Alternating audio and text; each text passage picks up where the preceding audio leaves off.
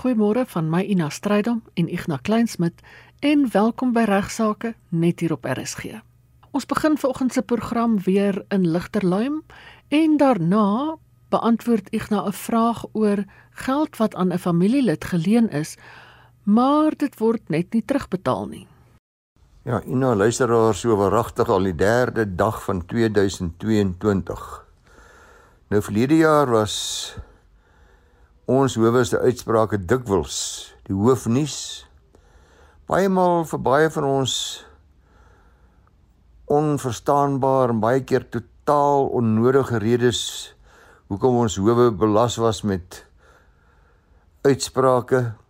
Maar ons howe mense sien sien ek dink ek kan eintlik amper sonder vrees vir teespraak sê vir al ons hoogste hof die konstitusionele hof het uitstekende grondwetlike uitsprake gelewer in 2021 feitelik almal in hierdie land van ons het die konstitusionele hof se se lof van tyd tot tyd besing wel met uitstekende redes vanaf die kant van 'n prokureur uh, barse mense hart van trots dikwels oor die wyse waarop ons grondwetlike hof ons jong demokrasie se se grondwetlike regte, dis nou joune en myne gereeld beskerm het.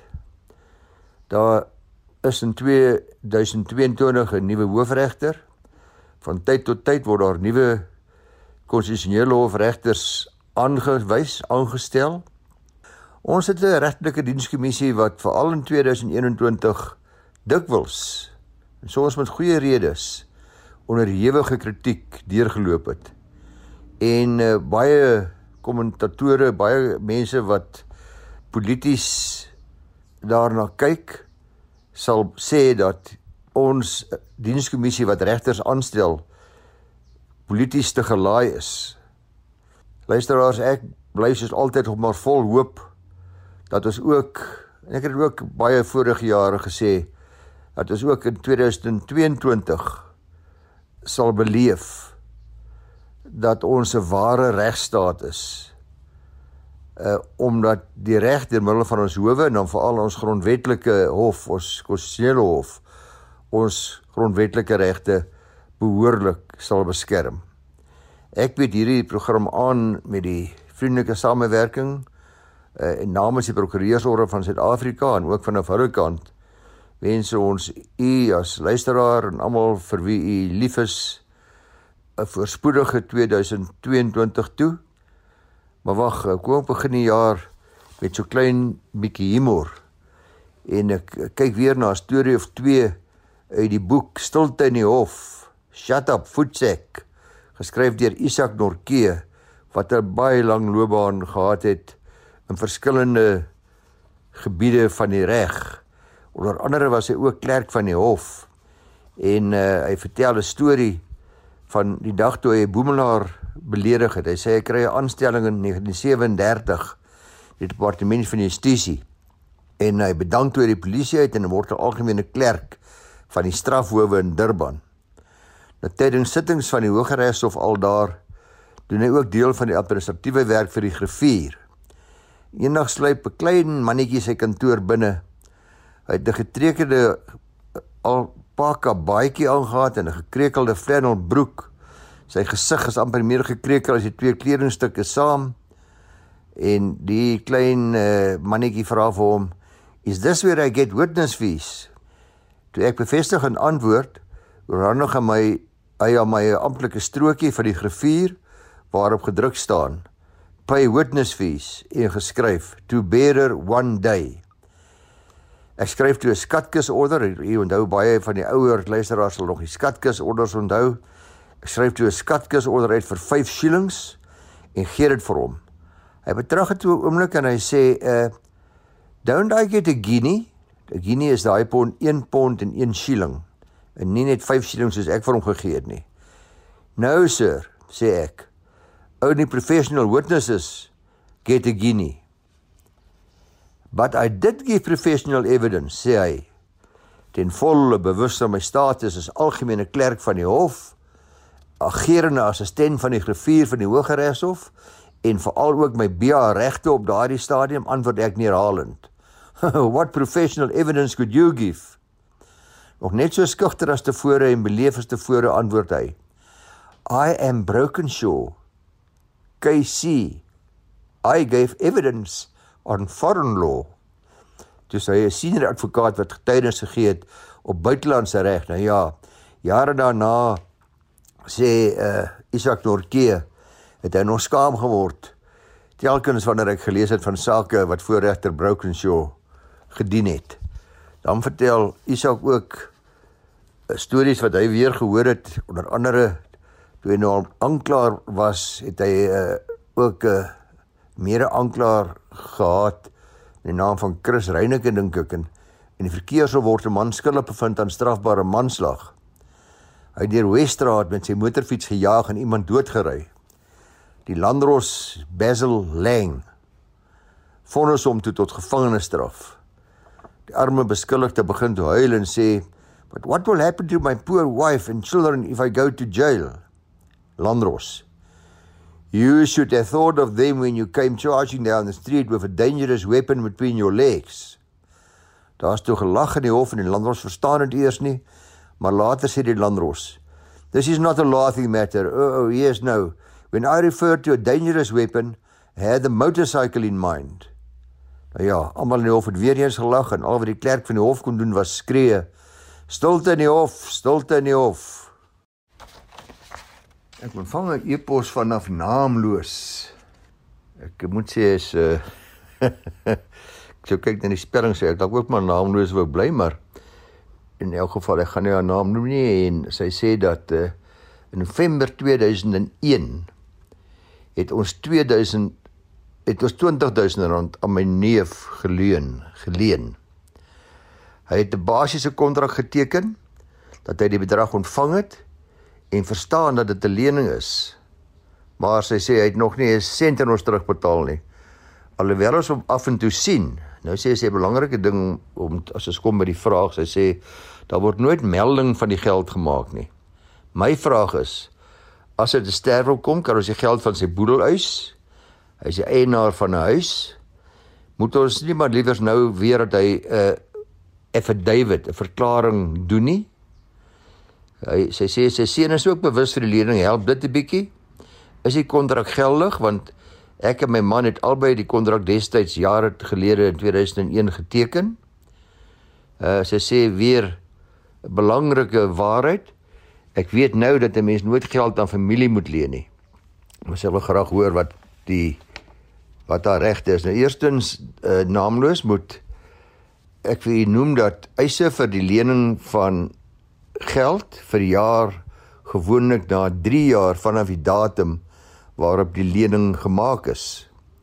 Maar belangrik is dat elke keer as die lener weer die skuld erken, dan begin verjaring opnuut loop.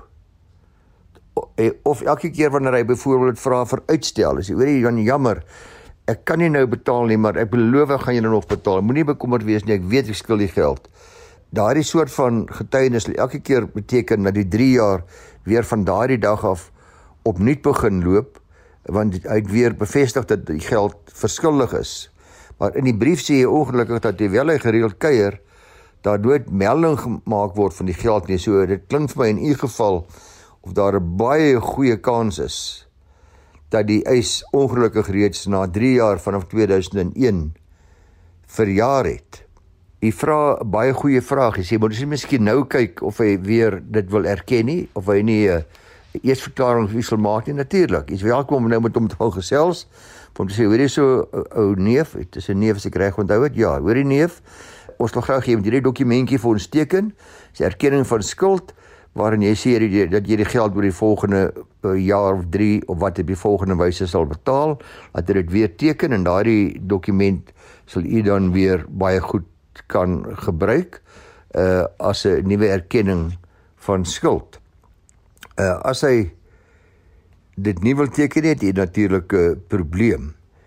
U vra ook uh baie tereg wat sal gebeur as hy te sterwe kom het ons dan 'n eis teen sy boedel natuurlik sal hy eis hê teen sy boedel as die eis nog nie verjaar het nie En as jy dokumente soos ek nou vir die sê waar hy die skuld weer erken en weer sekere wyse onderneem om af te betaal. Uh hou in gedagte dat wat rente betref is daar 'n reël dat rente nooit meer as die kapitaalbedrag mag wees nie. So as jy 200 000 rand geleen het en erken dat hy rente daar verskillig is van 2001, sal die rente in elk geval nooit meer as 200 000 rand kan wees nie.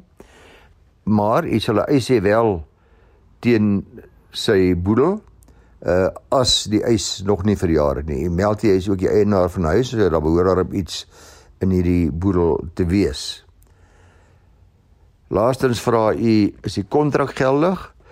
Ja, daar's geen fout uh, met die feit dat u in 2001 'n kontrak gehad het nie en natuurlik was daardie kontrak geldig op die stadium toe u dit aangegaan het en totdat dit verjaar het, maar sodra hy verjaar het, dan beteken dit ook dat die kontrak nie meer afdwingbaar sal wees nie.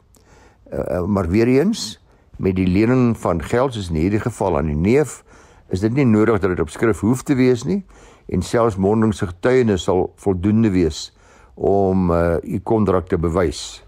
Weereens, ek dink in u geval lyk dit vir my of die eis dalk verjaar het, maar ek sal voorstel as u van mening is dat u nie wel uh 'n nuwe ooreenkoms sal teken en sy skuld sal bevestig dat u 'n prokureur gaan sien om vir u behoorlike erkenning van skuld op te stel en saam met u neef na die prokureur gaan sodat dit behoorlik onderteken uh en dat jy seker maak dat jy geldjies terugkry. Iets swaar verdiende geld. Ek weet nie van jou nie, know, ons luister as wat al dalk klein kinders het nie of boeties en sissies se kinders, ooms en tannies se kinders. Maar 'n uh, ou truc van my is ek hulle wil terg omdat hulle so verslaaf was in in die televisie. Sal ek as hulle so vasgenaal voor die TV sit, sal ek kamstig so nonchalant en ongeërg reg voor die televisie gaan staan. Nou daai uitdrukking van skok en die uitroep van nee oupa weg oupa asseblief oupa uh ken baie van u dalk. Maar nou ja, grap is 'n grap. Maar daar's ook 'n hofsaak wat uh op die 21ste Oktober 2021 in die Hooggeregshof was beland het oor die vraag of 'n mens voor die televisie kan staan as 'n man krieket kyk. En as jy so in die laaste bilbeerd en is nou regtig baie belangrik en dan skielik staan iemand op en nie reg voor jou. Nou ja, dis wat gebeur het in 'n onlangse uitspraak van Ketcher versus Jordan. Vir my kollegas gaan ek dit maar net sê, dit is saak 12314-19 en is in die hofverslag van 2021 ZAGPPHC 693 en die uitspraak is gelewer op 21 Oktober 2021 dat dit gehandel met die laaste kolfbeurt van 'n cricketwedstryd.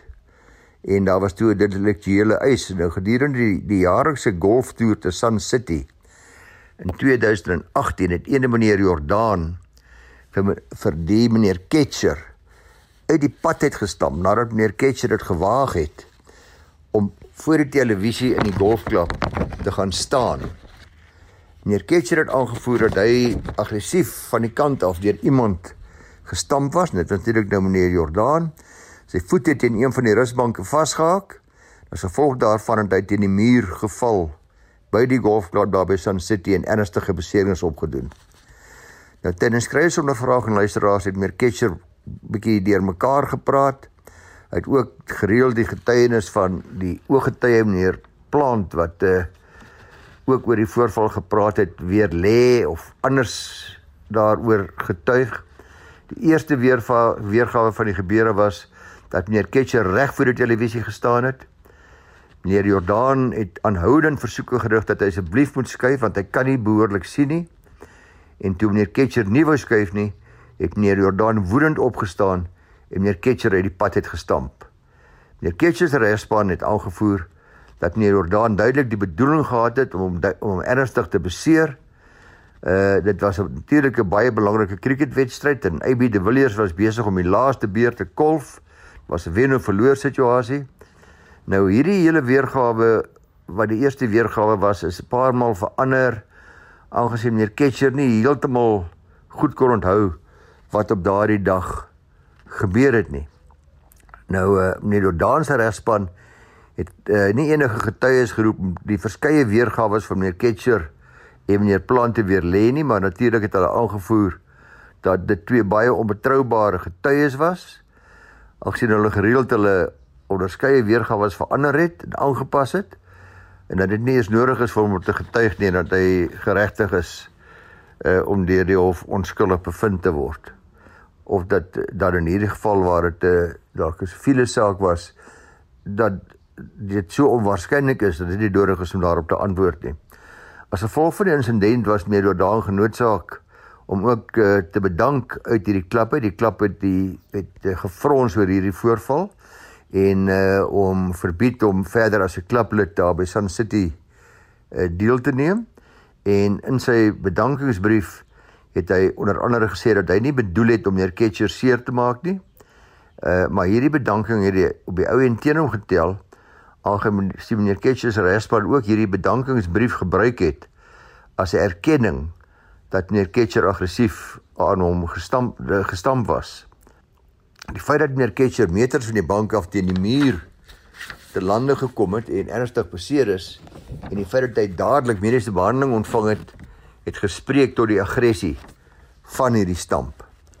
Die hof het die saak aan die hand van verskeie regspraak geëvalueer. Ek gaan nie nie vermoei met al die verskillende sake wat deur die hof gekoteer was nie.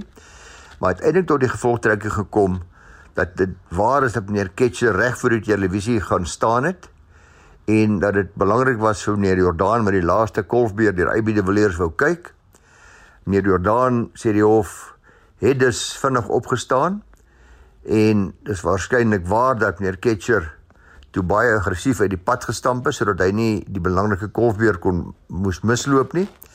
En die hof bevind dat meneer Jordaan die moontlikheid moes voorsien het of redelikerwys moes voorsien het dat hy meneer Ketcher kan beseer, dat hy meneer Ketcher leed gaan aandoen en nou het hy in die hitte van die oomblik opgetree.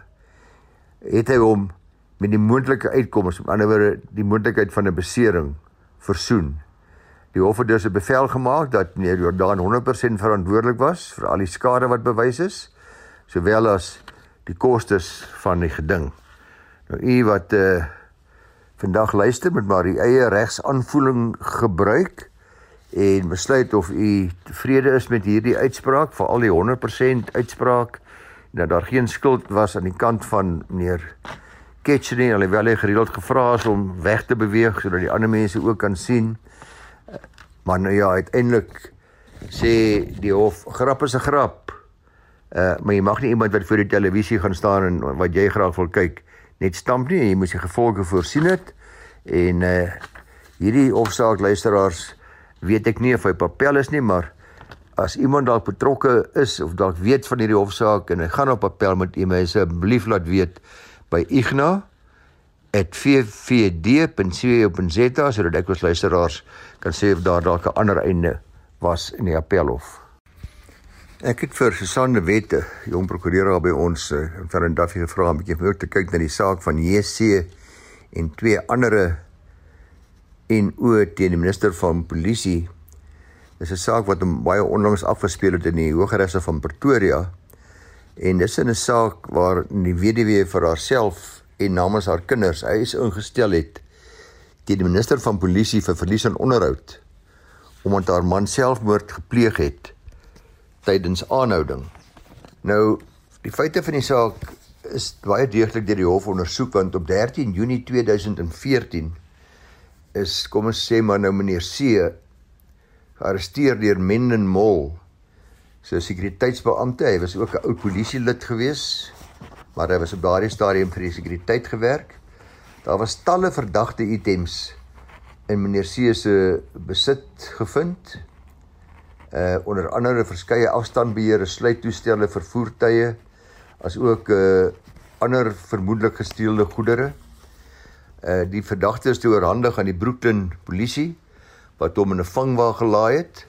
Hulle het op dieselfde soekie wat die deursoeking het uh, volgens hulle reeds plaasgevind by die by die mall self, maar uh op roete na die Brooklyn polisiestasie het die verdagte egter homself geskiet uh met 'n wapen wat aan sy vriend en die vriend was ook 'n medeverdagte saam met hom in die vangba was behoort het. Die verdagte is nie daarna na 'n naaste polisiestasie geneem nie en ook nie in 'n ambulans en en ook nie 'n ambulans geskakel uh, om hom te probeer red nie, maar die onafhanklike polisie direktoraat het die saak te ondersoek. Hy is natuurlik nou later dood en so op daardie basis wat die weduwee vir haarself en namens haar kinders eis instel teen minister van polisie vir die verlies en onderhoud as gevolg van hierdie selfmoord gepleeg uh agter in die polisie vangbaar. Die onafhanklike direktoraat van die polisie, ons noem hulle die OPOD, die OPOD, die onafhanklike polisie ondersoek direktoraat, het hierdie saak ook ondersoek en bevind dat die offisiere dalk moontlik nalatig was op die volgende gronde dat hulle nie die verdagte deursoek het tydens arrestasie nie. Dis nou toe hulle by die toneel aangekom en daar by Mende nie. Dat hulle nie dadelik mediese bystand verleen het en dit is iets anderste natuurlik deur ambulans te skakel of met die beserings na die naaste hospitaal gehaas het nie. Uh die eisers het gedagvaar onder andere vir gelede dis uh, en vir toekomstige verlies aan onderhoud vir die eiseres en die kinders en die eisers het ook 'n direkteur huis ingestel teen die minister van polisie op die grond dat die polisie hulle statutêre pligte versuim het in terme van artikel 8 se artikel 4 van die SAPS se standing se staande bevele uh, bevel nommer G341 en daardie bevel bepaal dat lede van die polisie moet elke gearresteerde persoon tydens arrestasie deursoek om vas te stel of die verdagte dalk 'n versteekte wapen het waarmee hy waarmee homself of ander mense kan beseer. So dis belangrik uh, hierdie spesifieke staande bevel. Die saak het voorgegaan om die meriete uh, op die stadium uh, in die hof van Pretoria en nie kwantum nie uh want die twee is van mekaar geskei.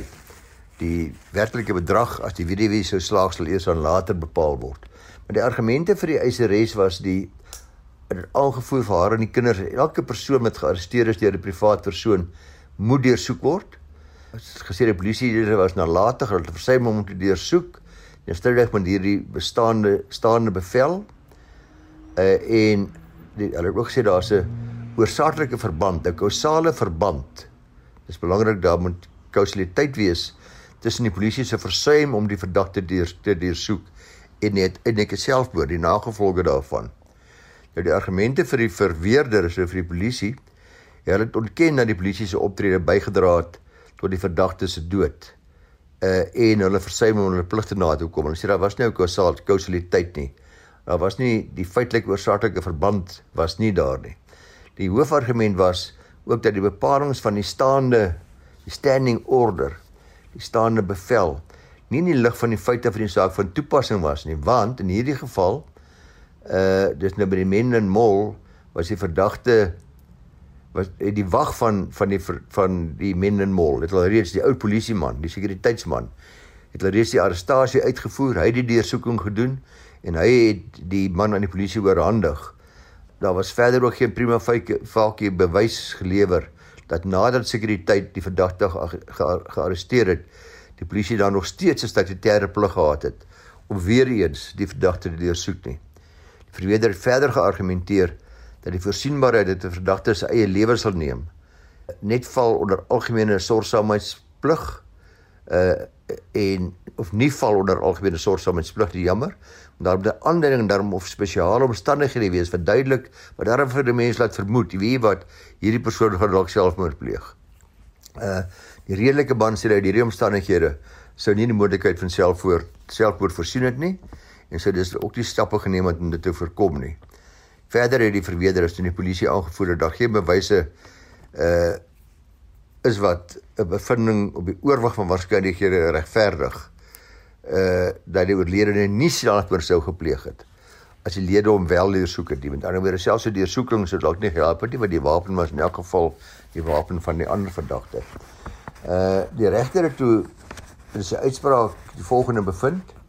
Hy het genoem dat hy uh van die opinie is dat daar wel 'n statutêre plig is normaalweg op SAP lede se verdagte te deursoek selfs as 'n burgerlike arrestasie plaasgevind het. Ek ook glo dat daar duidelik 'n late was, 'n omissio was Maar sy was uh en wat hom betref was hierdie omissie wel onregmatig en hierdie polisie in sekere opsigte nalatig opgetree. Maar die regter kyk nou na die redelike SAP Esle die diligence pater familie is wat 'n polisielid betref en die bewyse was vir die hof dat die oorledene wel deursoekers deur 'n bevoegde sekuriteitsoffisier wat soos reeds genoem was 'n oud lid vir die polisie was. Hy het verder ook beslis dat 'n geval die polisielede uh, se versuim 'n plusversuim was in hierdie geval, maar dat dit nie noodwendig nalatig was nie. Anderswoorde hy maak 'n onderskeid hier in die hof tussen wat 'n plusversuim is en tussen nalatigheid.